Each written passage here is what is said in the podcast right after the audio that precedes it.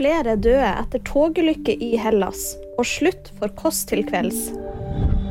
Minst 32 personer er døde etter en togulykke i Hellas. To tog kolliderte i Hellas sent tirsdag kveld. Det opplyser brannvesenet i landet. Kollisjonen skjedde utenfor byen Larissa, omtrent 380 km nord for Aten.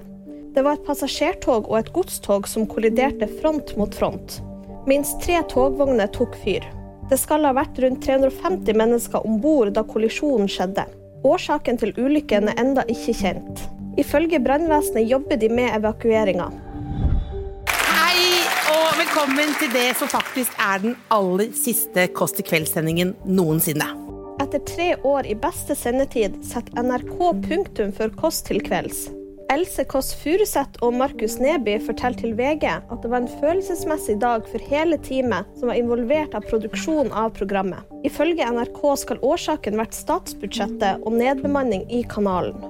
Og Det var VG nyheter, og de fikk du av meg, Live Auskar.